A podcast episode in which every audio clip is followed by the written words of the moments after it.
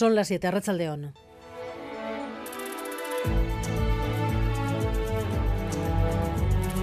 Gambara con Arancha García.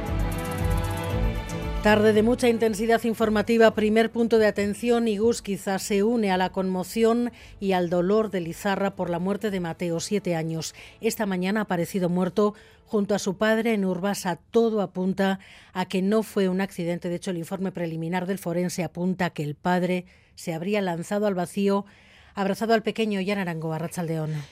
A esa es la hipótesis que maneja el médico forense. El padre causó la muerte de su hijo en la Sierra de Urbasa. Los resultados preliminares de la autopsia confirmarían que ni el hombre ni el niño tenían restos tóxicos en el cuerpo, que el niño no presentaba signos de asfixia ni estrangulamiento, por lo que la hipótesis es que el padre se lanzó al vacío abrazando a su hijo, ya que el padre presenta más golpes que el niño. A esta hora, concentración silenciosa aquí en Una pequeña localidad cercana a Estella Lizarra de apenas 200 habitantes en la que vivía el hombre fallecido, en la que los vecinos muestran la conmoción y el dolor que les ha producido lo ocurrido y le muestran su cariño a la madre. Empezamos además a saber algo más de la paliza a un joven de Zumárraga en Bruselas por la que lleva casi una semana en coma inducido. a Maya Portugal ha hablado con la familia.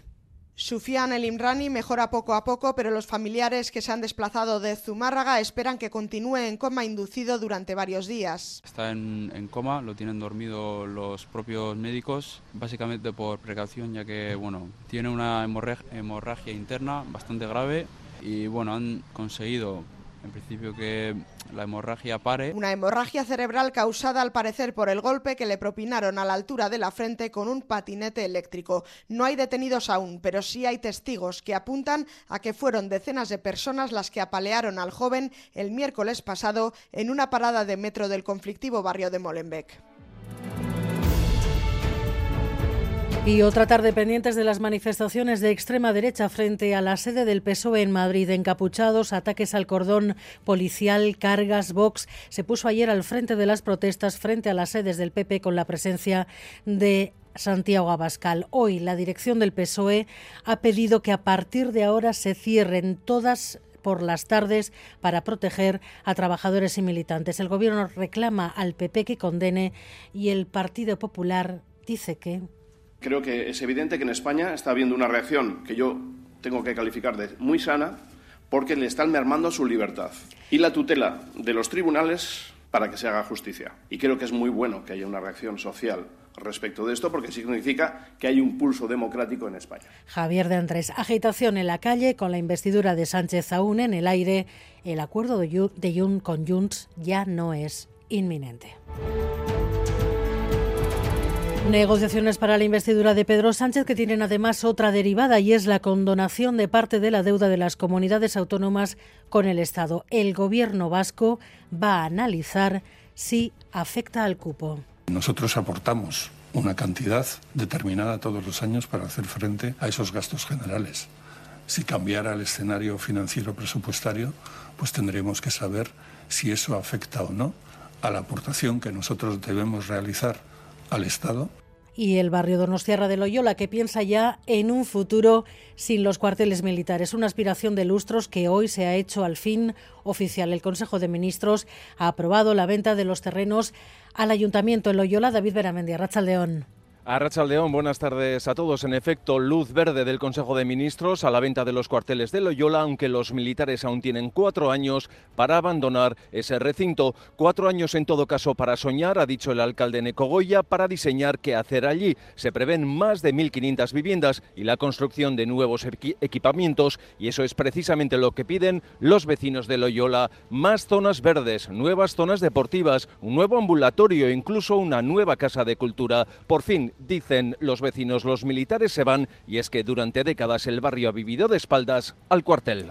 Pero les decía que esta tarde viene cargada de información y así es porque en Portugal el primer ministro ha presentado su dimisión. Se ha visto envuelto en la investigación de una trama de corrupción y tráfico de influencias. É, porém, meu entendimento que a dignidade das funções de primeiro-ministro não é compatível com qualquer suspeição sobre a sua integridade Dice Costa que su cargo no es compatible con ninguna sospecha sobre su integridad y que por eso dimite, pero que se investiga qué podría salpicar a Costa. Amaya Esteban. Sí, Costa ha renunciado por la investigación en su contra por posible prevaricación, corrupción activa y pasiva y tráfico de influencias en negocios de litio e hidrógeno, aunque asegura que no ha cometido ningún acto ilícito. La Fiscalía apunta que varios sospechosos han hablado de la implicación de Costa en el caso por desbloquear procedimientos. Han sido detenidos un jefe de gabinete y un empresario gran amigo de Costa, entre otros. Se han registrado más de 40 lugares, entre ellos la residencia oficial del primer ministro y las sedes de dos ministerios. Costa ha dicho que se ha visto sorprendido por la información de ese proceso criminal, niega las acusaciones, subraya que se marcha con la conciencia muy tranquila en medio de su tercera legislatura con una mayoría que le encaminaba a convertirse en el jefe de gobierno más longevo en el poder de la democracia lusa. Si cumplía su mandato hasta 2026, esta investigación criminal ha acabado por poner fin a esos planes. Y además hoy se cumple un mes del ataque de Hamas sobre Israel, un mes también de la represalia israelí sobre Gaza y a esta hora hay concentraciones exigiendo el fin de los ataques en más de 100 localidades convocados por la plataforma Gaza-Palestina. Y las carreteras con bastantes puntos eh, con problemas a esta hora, John Fernández Mora. Sí, varios puntos a los que prestar atención. Está cortada en ambos sentidos la Guipúzcoa 627 entre Arrasate y Vergara después de que un vehículo haya sufrido un accidente. Según el Departamento de Seguridad, el conductor herido ha sido trasladado al hospital de Chagorrichu. También en esa zona, precaución en la AP1 a la altura de Arrasate en sentido Eibar. Se ha producido un accidente entre varios vehículos. Se están generando retenciones y atención en Gasteiz. Está cortado el enlace para tomar la Nacional 622 en sentido Bilbao desde la A1. Seguridad informa de que está debidamente señalizada la alternativa, pero recuerden, cortado el enlace A1 Nacional 622 en sentido Bilbao. Y los deportes que nos traes hoy, Edu García, Rachaldeón. ¿Qué tal, Rachaldeón? Pues mirando a San Sebastián y al partido que la Real jugará mañana en Liga de Campeones contra el Benfica, un conjunto portugués que ha salido de su país con un primer ministro y volverá con otro, por cierto, en la noche del miércoles o en la mañana del jueves, pero lo que nos ocupa es esa cuarta jornada de la Champions en la que la Real puede dejar sellado su pase a octavos de final, tiene que ganar al conjunto luso y esperar un triunfo del Inter en campo del Salzburgo, aunque con un empate a la Real le valdría para garantizar su eh, futuro en Europa en esta misma temporada, aunque le fuese muy mal la Liga de Campeones, por lo menos seguiría jugando en la Europa League, pero lo que busca el equipo de Imanol es estar en octavos de final, con Barnechea, con Traoré y con Zubeldia recuperados, no están ni Pacheco, ni Silva, ni Tierney, y con ganas de que mañana el Real a las 7 menos cuarto sea, ha dicho Manuel, una caldera para que el equipo pueda sumar una victoria ante un rival que va a jugar de forma muy distinta como lo hizo en Lisboa hace tres semanas, pero que en todo caso no deja de ser un gran equipo, todo un campeón de Europa.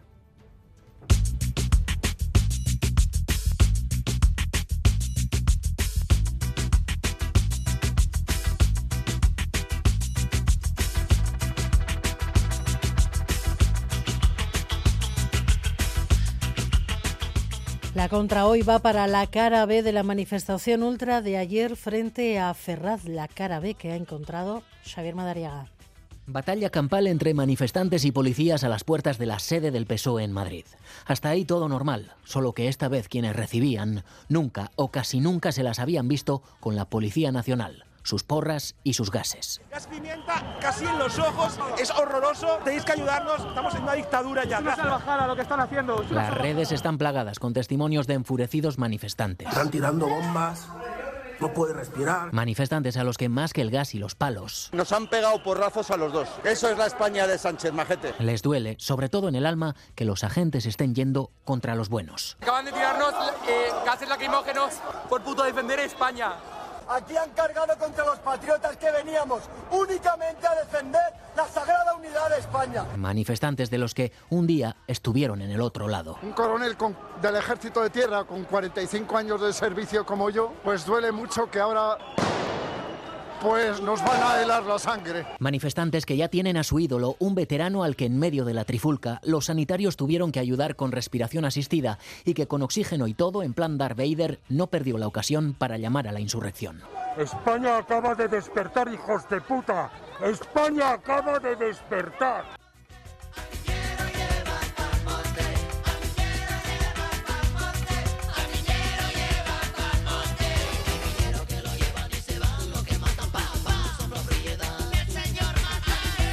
Miguel Ortiz y Arancha Prado están en la dirección técnica, Cristina Vázquez en la producción.